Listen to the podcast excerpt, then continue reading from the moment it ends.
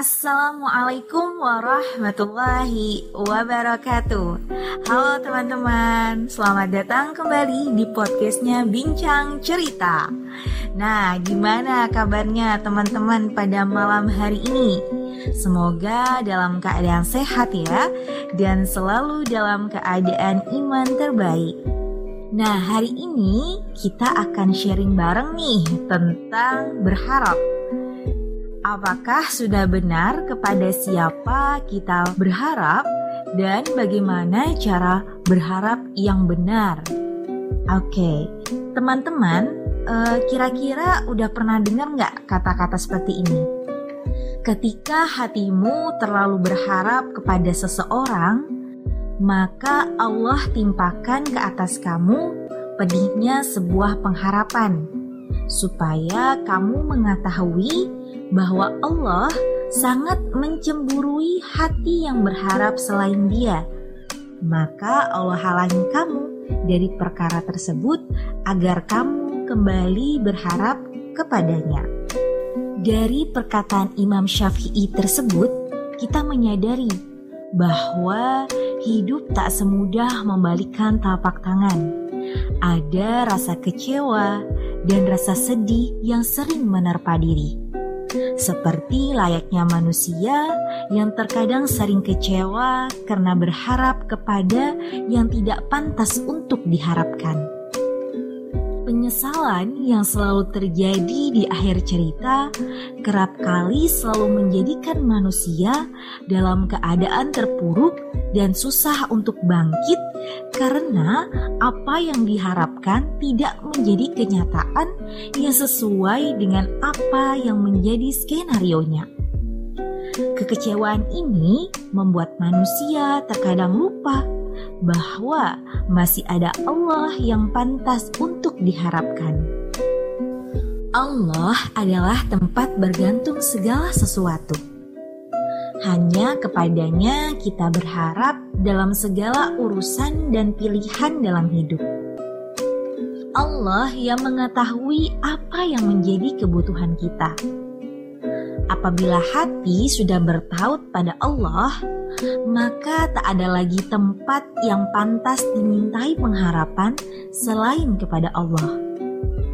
Sesungguhnya, tidak ada yang dapat menolong kita selain Allah dan atas izin Allah. Dalam kehidupan kita di dunia, terkadang kita sering berharap dan bergantung kepada makhluk. Kita bekerja keras untuk mendapatkan simpati dan pujian dari manusia. Ini merupakan suatu kekeliruan yang tak pantas dilakukan, karena berharap kepada manusia hanya akan membuat hati kecewa.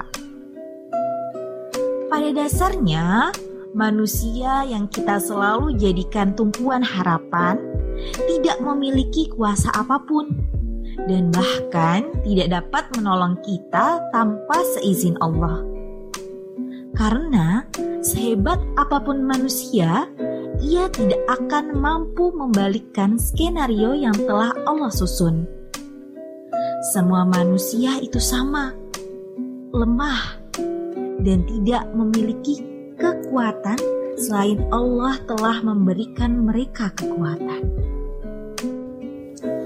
Nah, karena itu, jika kita hendak meminta pertolongan dan perlindungan, maka mintalah pertolongan dan perlindungan hanya kepada Allah.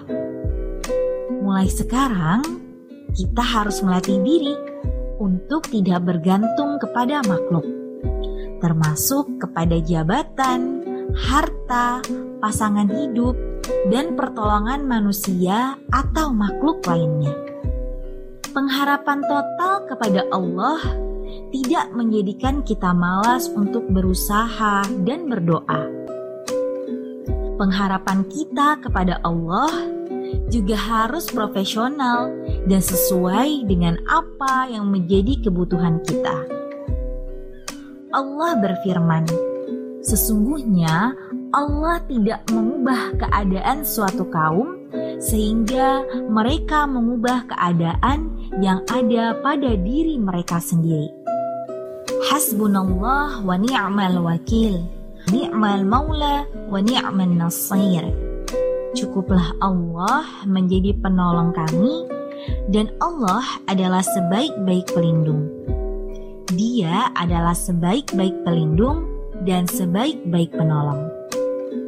Ketika kita sudah berharap hanya kepada Allah, di saat itu kita akan menyadari bahwa Allah yang Maha Mengetahui apa yang ada di dalam diri kita dan apa yang menjadi kebutuhan kita.